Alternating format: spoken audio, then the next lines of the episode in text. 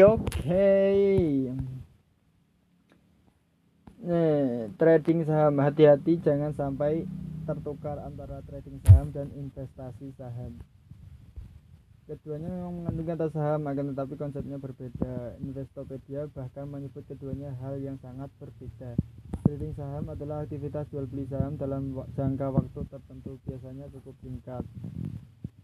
Sementara itu investasi saham bisa disimpulkan sebagai aktivitas menabung untuk memperoleh keuntungan dari pembelian saham untuk jangka yang panjang. Untuk melakukan trading saham, yang harus kamu lakukan adalah antara menjual atau membelinya ketika terjadi fluktuasi harga. Keputusanmu harus tepat untuk mendapatkan captain gain atau margin keuntungan khusus saat harga saham sedang melambung tinggi. Hmm. Ada lagi namanya binary option nah binary option itu oke okay, kita akan jelaskan di episode berikutnya. See you bye bye